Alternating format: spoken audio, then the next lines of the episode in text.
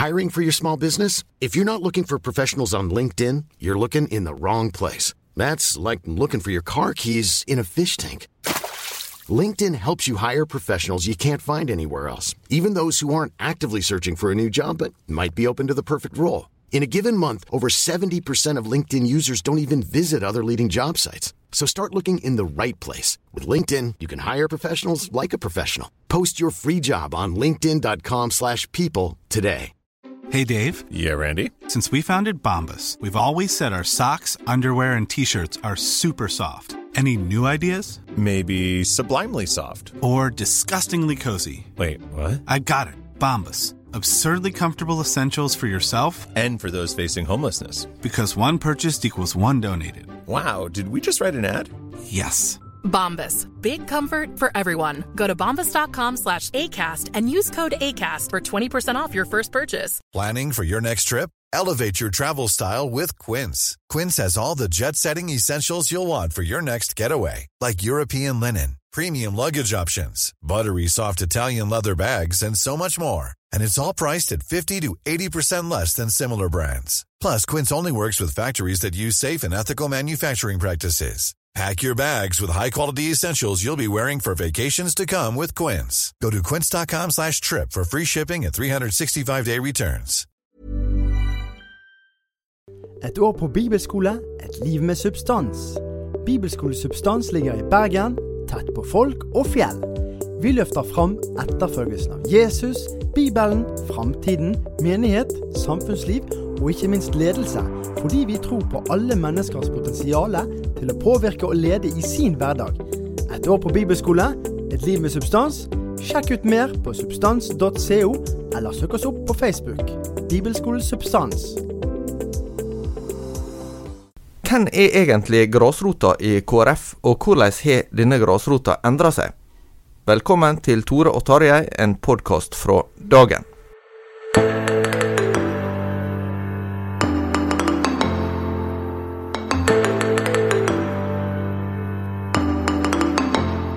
Tarjei Gilje og jeg, Tore Hjalmar Sævik, er på plass her i studio, og med oss i dag har vi en gjest, Tarjei. Vi har med oss eh, Rolf Kjøde, som kanskje for flest er kjent som tidligere generalsekretær i Nordmisjonen gjennom en del år. Han har òg bakgrunn fra det som het DVI, eller Indremisjonsforbundet før, og nå er han ansatt på NLA-høgskolen. Eh, Han er òg KrF-politiker, har blitt aktiv der etter at han gikk av som generalsekretær, eh, og kjenner store deler av KrF sitt eh, grunnfjellet, da, eller fjellformasjonen som utgjør grunnfjellet, grunnfjellene kanskje, bedre enn de fleste. Vi kan kanskje begynne med begynnelsen, Rolf. Eh, for du, eh, da du var teologistudent, så skrev du om en mann som eh, er svært viktig i KrF eh, si historie. Ja, han var iallfall far til en som ble viktig i, KrFs historie. For eh, Johannes Lavik ble jo redaktør, eh, og eh, far hans var Andreas Lavik. Og han skrev jeg om i spesialavhandlinga mi. En veldig interessant studie for min egen del. For å dukke ned i en person og se hvordan egentlig det som var tida sine liberale ideer, fikk et veldig sterkt nedslag i, midt i kristenfolket. Eh, Nå ble han erklært bannlyst for noen år pga. at han kom i konflikt med Lars Oftedal når han var på Stortinget. eh, Og han tok jo overgang da til radikale venstre. eh, Og, og derfor så ble han, ble han støtt ut fra bedehusa. Det var en fem-seks år han ikke fikk lov å tale på bedehusa på Vestlandet av den grunn.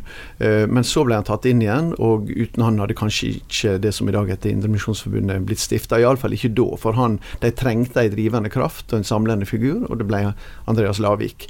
Men hans politiske eh, innsats og tenking, den er ganske interessant. Eh, fordi at han plasseres ikke bare i venstretradisjonen, men han går faktisk inn i en radikal venstretradisjon med en del av engasjementet sitt. Ikke minst med at han allerede i 1890 framfører veldig sterk argumentasjon for og stemmer for kvinners allmenne stemmerett. Kan du ta et kjapt riss over eh, hvem Andreas Lavik var? Når ble han født? Hva rolle hadde han? Ja, han var jo født uh, rundt 1850 og uh, døde jo på uh, Døde i 1918 og var de 20 første åra av, DVI, som det heter da, sin historie, så var han det som vi i dag vil kalle generalsekretær. Eh, og eh, han reiste jo rundt som predikant eh, i forskjellige sammenhenger. Ble politiker, var på Stortinget i tre år, som var periodene da. 89, 90 og 91. Og, og, så var han jo med i Kirkekommisjonen, som konkluderte i 1913 også. Satt veldig sentralt i det arbeidet. Eh, og ble det også far til Johannes Lavik, som ble første redaktør i Dagen. Så han er jo i denne store Lavik-slekta, og var det onkel til Nils Lavik, som ble KrF sin eh, stifter. Ja. Førsteleder. For KrF kom jo inn på Stortinget første gang i 1933. Eh, det var i forbindelse med en nominasjonsstrid her i Hordaland at da Nils Lavik ikke fikk plass på Venstres liste, og derfor så ble da Hordaland Kristelig Folkeparti, som det heter, stifta. Eh, hvis vi skal se på samfunnssituasjonen da KrF oppsto, eh, og fram til i dag, så har det skjedd veldig store endringer. Men kan du si noe av det du vil si er de viktigste endringene eh, når det gjelder måte, prosjektet KrF, da? KrF kom jo inn på banen for på en måte å berge eh, den kristne kulturen og ta opp kampen for, for den eh, kristne kulturen i en forståelse av at vi egentlig var et kristent land, og nå måtte vi stå imot de motkreftene som ville bryte det ned. Eh, og Det var jo en gammel kamp i Venstre for så vidt, som førte til mange splittelser i Venstre. Og så hadde du også fått et, et kvart et voksen Arbeiderparti eh, med radikale tanker og ideer. Eh, så KrF kom inn i dette, men veldig typisk eh, som et utslag, som et utskudd av venstrestammen. Det, det sto i Venstre og den, skal vi kalle det, den oppkommende borgerstand som det jo var på 1800-tallet. Ja, Da var det bøndene og borgerne særlig som ja. stemte Venstre, og mer embetsmennene som stemte Høyre. Slik, eh, slik, var det, og det var jo en kraftig protest fra det allmenne kristenfolket mot dette oppropet øh, til kristendommens venner i, i 1883, der en protesterte mot innføring av parlamentarismen og bl.a. Gisle Jonsson var jo aktivt med i dette. Og, eh, men, men all, særlig på Vest-Sørlandet, de fulgte jo ikke sine ledere. Eh, de valgte å gå en helt annen vei politisk enn en eh, de konservative lederne gjorde. Er det det vi, det det vi egentlig ser nå òg, at en del av, hvert fall da, av dette grasroten, grunnfjellet, disse merkelappene man bruker, det at de ikke følger sine ledere, at det har i grunnen skjedd før, men at nå går de eh, lenger til høyre? Ja, det kan godt hende, men vi er jo i en helt annen situasjon enn den som var, vi var i når KrF ble stifta. Eh, og, og, her er det jo spørsmål hvor sterke ord en vil bruke på det. fordi at I noen grad kan vi si at vi fortsatt lever i et kristent samfunn, og KrF er et parti som da vil minne oss på at vi må ikke skifte ut det som har vist seg å fungere så godt så lenge. På en annen side så lever vi i et eh, eh, sekulært, liberalt samfunn som på mange måter også bærer preg av etterkristne verdier. Uh, og, og, det er jo den endra realiteten som er den dramatiske egentlig for KrF her. For det er litt for sånn kjapp kjappe analyser, syns jeg. Både det som Helge Simones har kommet med i det siste, med at det er Sylvi Lysthaug som på en måte er hovedskylda eh, for det som skjer i KrF eh, av desimering, og, og Vebjørn Selbekk som sier nei, hovedskylda er Knut Arild Hareide. Jeg synes Det er en altfor enkel analyse å holde på å legge skyld på enkeltpersoner eller enkelthendelser. Dette er mye lengre, ut, lengre utviklingslinjer. Bare tenk på det som skjer med Den norske kirken. Når Den norske kirke endrer sine etiske posisjoner, som en har gjort på samlivsspørsmålet, og så spørs det hvordan en skal tolke den abortuttalen som kom. Men noe sterkt forsvar for fosterets menneskeverd var den i alle fall ikke.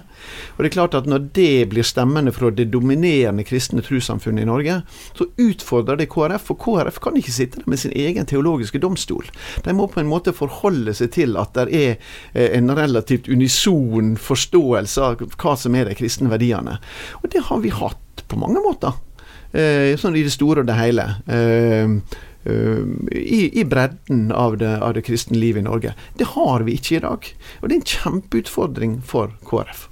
Jeg har vel tenkt noen ganger at altså Tilbake til Kjell Magne Bondevik og Valgerd Svarstad Haugland sin tid på 90-tallet, som, som, vel blir stående, kanskje for alltid, da, som KrF sin beste tid, da, i hvert fall oppslutningsmessig og gjennomslagsmessig, at da det prosjektet de hadde var mulig da, fordi at de innbyrdes avstandene i Kristen-Norge var mindre. Det er egentlig det du beskriver litt. Nå er det prosjektet der kanskje helt umulig, fordi at liberale konservative, da, igjen for enkelte merkelapper, har beveget seg såpass langt fra hverandre at det å, å ha et politisk prosjekt som forener de gruppene ja, Jeg kan bruke Åpen folkekirke og Indremisjonsforbundet f.eks. Som, som uh, illustrasjoner. At det er omtrent umulig. Og det er nesten ingen lederskikkelser man kan peke på som faktisk har reell støtte i begge de miljøene samtidig.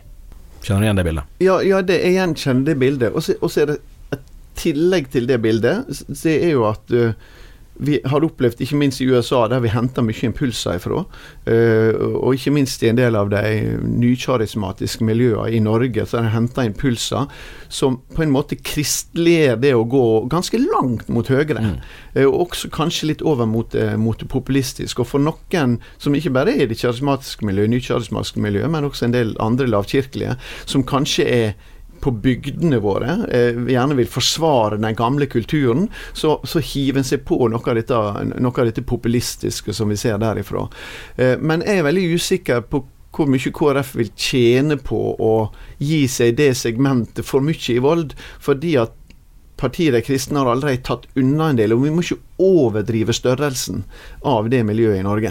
Eh, det er for min mening. Eh, av og til så overdimensjonerer vi hvor stort er det miljøet som vil dra i populistisk, eh, høyrepopulistisk retning, med kristelig fortegn. Jeg tror ja, du har en del av de som sokner til Norge i dag. Du har en del av de som sokner til TV Visjon Norge. Og du har en del av de som sokner til PDK. Men jeg tror vi er på desimaler når vi snakker om altså på promiller. Dere har jo begge sunnmørske aner, sant, og vel så det. Uh, historisk sett og nå, da, hvis vi kan se en linje der. Hvordan eh, vil dere begge to egentlig vurdere eh, samvirket mellom Kristelig Folkeparti og deres velgere og en borgerlig eller ikke-sosialistisk orientering? KrF har jo hele tiden vært et sånn asymmetrisk parti i den høyre-venstre-aksen. Eh, har ikke sittet i regjering på nasjonalplan med Arbeiderpartiet før. Regjeringssamarbeidet har vært sentrum høyre. Eh, nå syns jeg nesten ikke jeg ser noen egentlig særlig målbare spor av den gamle alliansen mellom KrF og arbeiderbevegelsen, som kanskje særlig pinsebevegelsen var synlig for en, noen generasjoner siden, ikke minst på Sørlandet. Men f.eks. på Sunnmøre, da. Eh, hvordan ser dere utviklingen der, fra din barndom, da, Rolf, som er eldst av oss tre her? Eh, er det forskjellig egentlig nå? Man kan få et inntrykk av at, eh, at f.eks. Listhaug og den fløyen egentlig står en del sterkere der enn den har gjort før. Ja, jeg, jeg, sier av og til som sunnmøring at det er, noe som er gjenkjenner fra den sunnmørske kulturen i den amerikanske kulturen, nemlig at vi setter pris på folk som lykkes. Mm. Eh, min erfaring er at jantelova er ikke nødvendigvis kjempesterk på Sunnmøre. Den er sterkere lenger sør, på Vestlandet. For det, dette her at folk lykkes, det syns vi er bra. Vi Har masse kristne eh, som har starta bedrifter, og det har vi likt. Eh, og sånn sett så, så, er det et sånt drag av det som Tone Sofie Aglen i, i Adresseavisen hun kommenterte det her en dag nå, at uh, hun hadde hørt et foredrag av Kjell Ingolf Ropstad, der han hadde snakka til næringslivsledere. Og han hadde snakka nettopp om de haugianske verdiene mm. og det å få fram uh, næringslivet, det, det, små næringslivet, og la det, la det, få yngle av næringslivet. Og det tror jeg er veldig i pakt med mye av det som du og jeg, Tore Hjalmar, kjenner fra Sunnmøre, ikke det? Jeg jo da, absolutt. Altså, sosialisme er ikke noe kompliment i dine oppvekstmiljøer, tror jeg. Nei, det, det, er det jo på ingen måte. Og det, det er jo også noe med at det, det, offentlige forbinder en mye med at en vil bli regulert, en vil bli beskatta, at det blir vanskelig å skape, skape verdier, og at en skal ta ansvar sjøl. Uh, og, og, de inne i Oslo de forstår ikke seg på hva vi holder på med her, og at det, det blir litt sånn uh, byråkrater som sitter på statlig lønn og, og, og, skal styre ting de egentlig ikke vet hvordan det, det fungerer i praksis. Uh, og så, så, er det jo sånn som Rolf sier, med, med den, den som, som, våger å satse, den har en viss respekt for. Det var som en en reder uttrykte det fra min heimkommune. Da jeg starta med to tomme hender. Nå har jeg 100 millioner i gjeld ja, livet farer ulikt med oss. ja, men, men, det som har vært Det som vi på en måte gjenkjenner som verdiene som har, går i generasjoner bakover, det er jo noe av dette haugianske som vil ha den friheten. Ja, det er definitivt ikke en sosialistisk holdning, men det kan likevel være en sosia radikal sosial holdning, nemlig at det vi bedriver, det skal tjene fellesskapet, det skal tjene enkeltmennesker, det skal være med å løfte de svake, og vi skal også være med å ta et sterkt et globalt, internasjonalt eh, ansvar når det gjelder rettferdighetsspørsmål. Så det, det, har ikke stått i motsetning til den type verdier, og da er du egentlig inne på KrF sin banehalvdel mm. veldig fort. Ja. Det er jo et interessant eksempel med f.eks. Eh, Nils Devold, som var en eh, sterk haugianer eh, som bygde opp en stor fabrikk i Langevåg. De fleste kjenner kanskje til Devold-gensere og sånt fortsatt. Eh, men han var jo ganske tidlig ute også med å tenke velferdsordninger for de som var ansatt der på den, eh, den fabrikken. Eh, og, og, der tror jeg at den, den kapitalismen som vi kjenner fra, fra Sunnmøre, den har vært sosialt innstilt. Og den har ikke vært innstilt på å maksimere personlig forbruk. Den har hatt et sånn nøysomhetsideal med seg, da, som, som, gjør at den hva jeg si, det har vært et eh, det at det har vært folk med penger i et lokalsamfunn, det også handler om at det har vært arbeid til andre. Eh, og at en har hatt Altså, eh, penger er jo alltid en konfliktfaktor, eh, men, men, samtidig så er det noe med at det, det, har en, det har generert mye bra for et lokalsamfunn at det er noen som tar ansvar, og som skaper verdier for andre. Da. Det er historisk. Det er ikke noe tvil om at, om at Kristelig Folkeparti har sitt hovedutspring i bedehuslandet, bedehusbevegelsen, med visse nyanseringer. Og det er vel òg, har jeg inntrykk av, eh, helt inntil nyere tid, at det har vært en betydelig andel av velgermassen som òg hørte til der, mens Den norske kirkes, altså de som var mer aktive i sognestrukturen i Den norske kirke, der var det flere, forholdsmessig flere som, hadde, som f.eks. stemte på, på Arbeiderpartiet. Eh, og nå, og der, for Det er jo riktig som du var innom, Rolf, at, at, det er vanskelig for KrF å sitte med et slags egen sånn teologisk nemnd og ha sin egen eh, teologi når Den norske kirke særlig da eh, endrer, eh, endrer eh, ståsted. Og hvis man da, for det er det jeg begynner å lure mer og mer på, hvis man samtidig ser at i, i bedehusland, da, eh, kjernetroppene, at der er det flere nå som beveger seg lenger til høyre da enn i hvert fall tillitsmannsapparatet i KrF gjør. Eh, og man opplever at en del begynner å tillegge seg urealistiske forventninger til hva politiske ledere i et sekulært samfunn kan utrette, jf. PDK. Eh, at da står egentlig, om det er Bollestad eller Ropstad eller Hareide eller hvem det er som skal lede KrF, så står du da i en ganske stor spagat mellom en, liksom en sentrumskirkelighet som har KrF-sympatier, men som ikke kanskje er den tradisjonelle kjernevelgeren, i hvert fall ikke alle, mens du har på den andre side en, en eh, sentrum-høyrefløy som beveger seg en del unna det man opplever å kunne programteste da, eh, i et gjennomførbart politisk program. Ja, det gir absolutt gjenkjennelse. Nå må vi huske på at historisk så uh, skjer det noe i 1945 med KrF. Da blir det et landsomfattende parti, og da kommer det bredere strømmer til KrF. Ronald Fangen ble jo KrF-er, ikke sant? Mm. Kom fra Oxford-bevegelsen. Eh, og, og, vi fikk et mye bredere, vi fikk et bredere tilfang til KrF. Eh, slik at kirkelig så ble så ble KrF da breiere, og det var helt nødvendig. Men verdimessig kunne en likevel stå sammen. Og det er jo der vi møter utfordringer i dag, mm. ikke sant. Uh, så, så det, det, er noe av bakgrunnen for dette her. Uh, så er det en del som, som, drar i litt ulike retninger. Det er en, en form for reaksjon. Og jeg tror kanskje at, uh, jeg tror kanskje at uh, det KrF må tenke gjennom nå i sine valg framover, det er spørsmålet om det viktige er å på en måte slåss for å være et, så å si et kirkelig folkeparti, eller om vi skal prøve å jobbe for primært for at vi skal ha en liberalitet i dette, rommet, dette landet her, som gir rom for minoritetene. Fordi at det er der kampen vi står foran. Det meste flertallet i det norske folk har på en måte forlatt de kristne verdiene. Eh, og de kan ikke påtvinges folk ved lov. Eh, det vil ikke være en farbar vei framover. Der må KrF ta en reorientering. Men jeg tror du har helt rett i Samme hvem som sitter som leder i dette partiet, så vil en måtte stri med denne, her, eh, denne, denne her spagaten.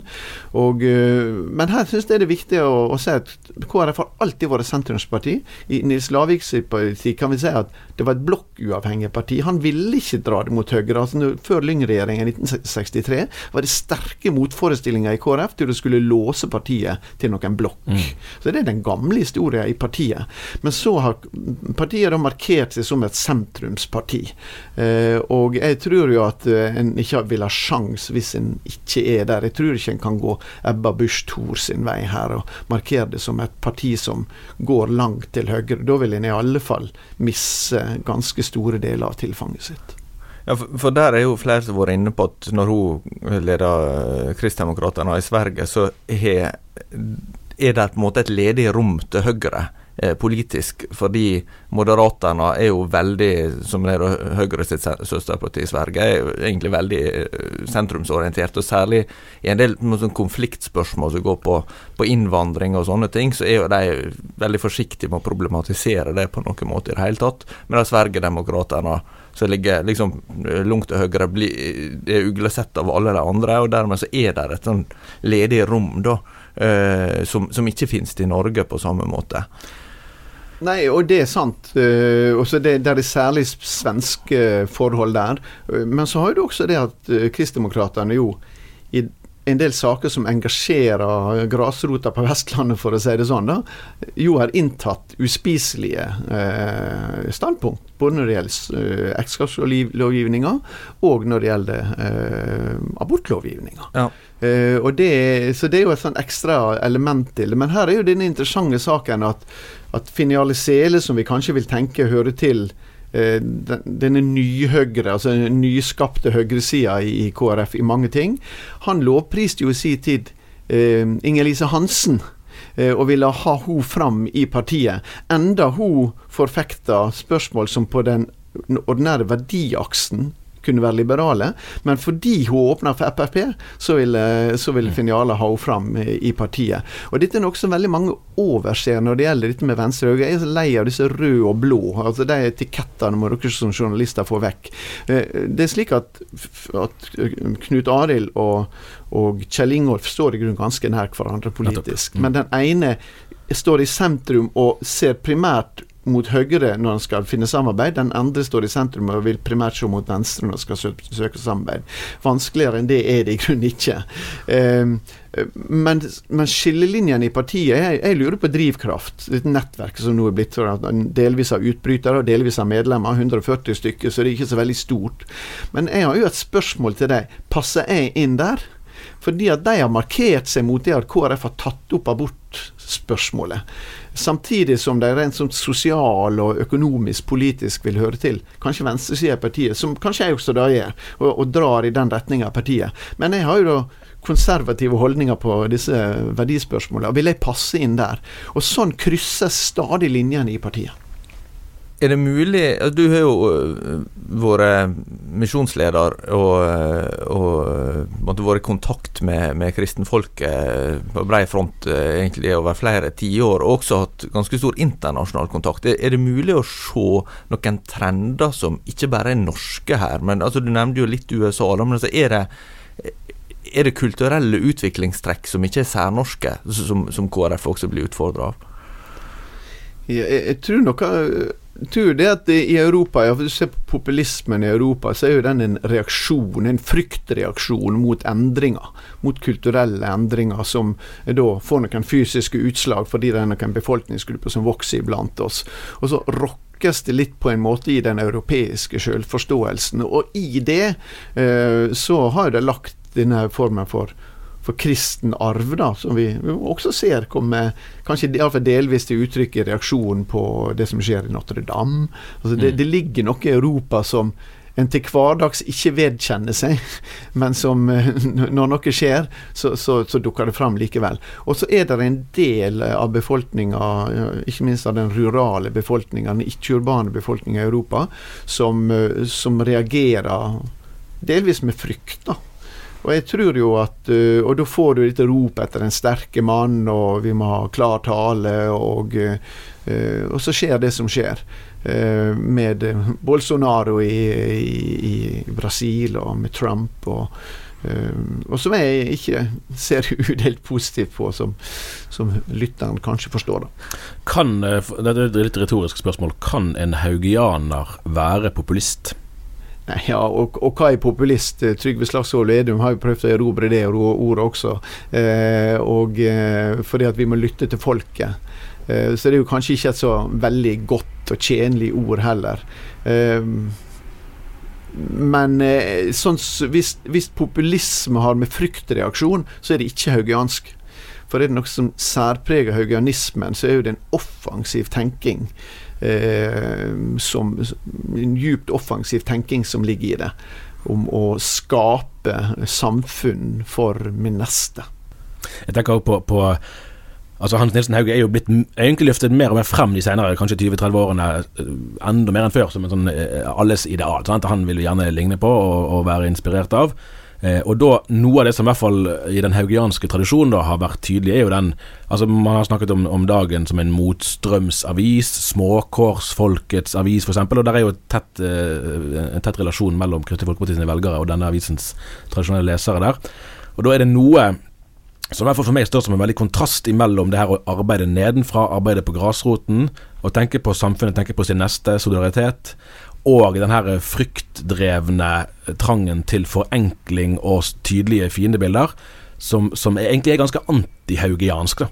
Uh, og som jeg opplever egentlig bryter ganske grunnleggende med det som har vært den tradisjonen som KrF ble til i.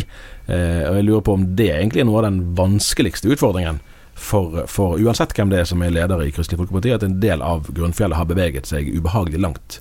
Eh, egentlig bort fra sin egen historie. Ja, det tror jeg også. Eh, men det er én ting til, Tarjei, som eh, kompliserer det ytterligere. Dette, dette, er en påstand fra meg, ikke sjekka det med Bernt Årdal eller noen som helst. Men nå når KrF ligger veldig svakt på meningsmålingene, og Senterpartiet ligger så høyt som de gjør, så er det iallfall en teori hos meg at KrF må lekke atskillig til Senterpartiet. Ja, Men det er jo riktig. Det, altså, det, det var dokumentert valget i ja. 2017. Altså, og det er jo noe av det som jeg syns er rart i den offentlige debatten òg, at det segmentet der mellom KrF og Senterpartiet, det har nesten, nesten ingen offentlige stemmer. Sånn av alle som skriver debattinnlegg i dagen eller hvor det måtte være, det er nesten ingen som er på en måte i det landskapet der. Det er veldig mange som er til høyre, sant? og som mener KrF burde nærme seg Frp eller å bli PDK eller noe. Massevis av folk som argumenterer for det. Nå i fjor var det en del som argumenterte motsatt, sant? med Arbeiderpartiet og den veien der som Hareide anbefalte. Det, men det partiet som står KrF nærmest, det er jo langt på vei Senterpartiet. Bergens Tidende hadde dette nordisk medborgerpanel som vi sjekket i forbindelse med forrige stortingsvalg. Hvor er slektskapet nærmest? Senterpartiet og Høyre. Helt uten tvil de partiene som KrF har flest eh, overganger imellom. Ja, og med Senterpartiet så er jo altså KrF er jo som Senterpartiet primært et ruralt parti. Eh, og det er som Senterpartiet et parti som i stor grad finner ned, sitt nedslag blant folk som tenke det vi kan kalle tradisjonelt verdimessig.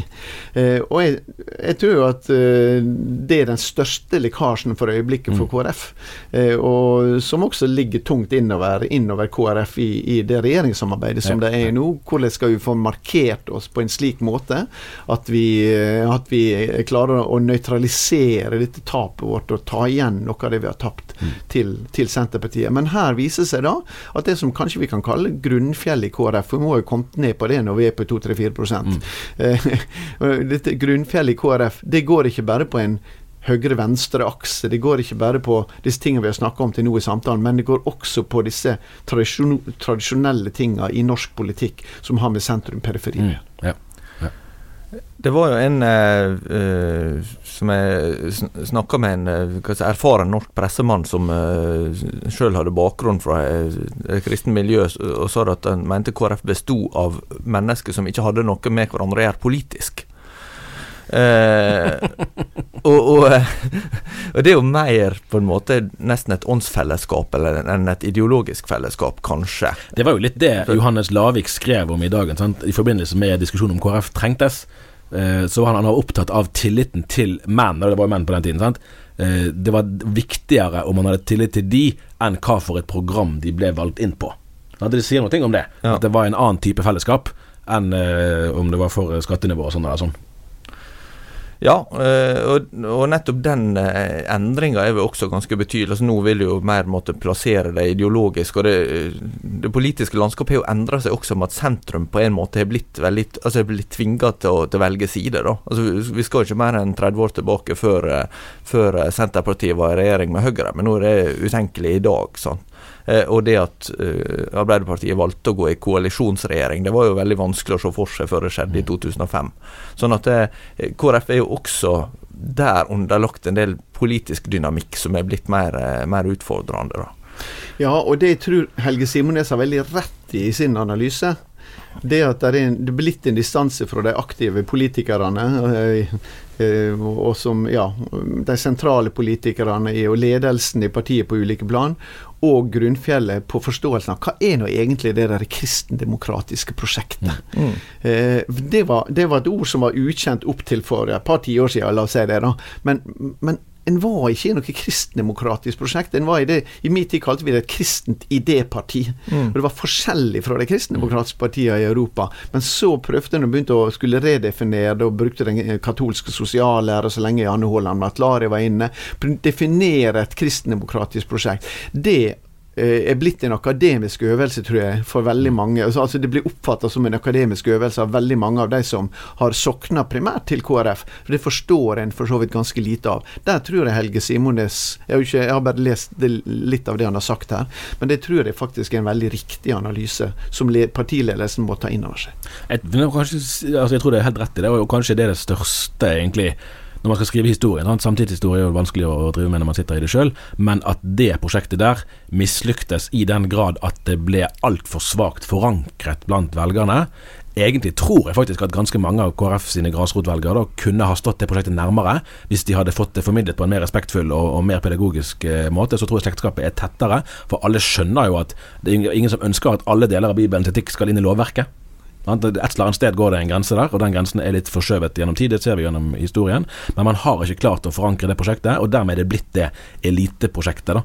Eller, eller skrivebordsprosjektet, hva man vil kalle det for, som nå eh, gjør at det er en unødvendig lang avstand da, mellom en del av det sentrale partiapparatet og store deler av velgermassen. Samtidig som at det ikke er bruk for altså det er ikke rom for KrF som vekkelsesbevegelse lenger. Mm. Hvis det noen gang har vært det. Men slik ble det gjerne oppfatta. Det skulle være et verdimessig vekkerrop ja, ja. i det politiske miljøet. Og, eh, og jeg tror at da vil en bli, bli helt marginal, hvis det er det sporet en velger. Så en må, en må klare å kommunisere dette kristendemokratiske og gjøre det norsk, og, og gjøre det til noe som er en bærer av KrF sine ideer. Eh, så langt så tror jeg en, sliter med eh, kommunikasjon av det. Ja.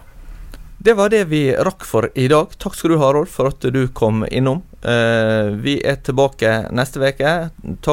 Gjerne kontakt med oss via Facebook. Vi har Facebook-side der du kan eh, gå inn. Tore og Tarjei. Eh, og uh, ellers så fins vi i iTunes og Spotify og lignende, så søk oss gjerne opp der. Vi høres. Ha det bra.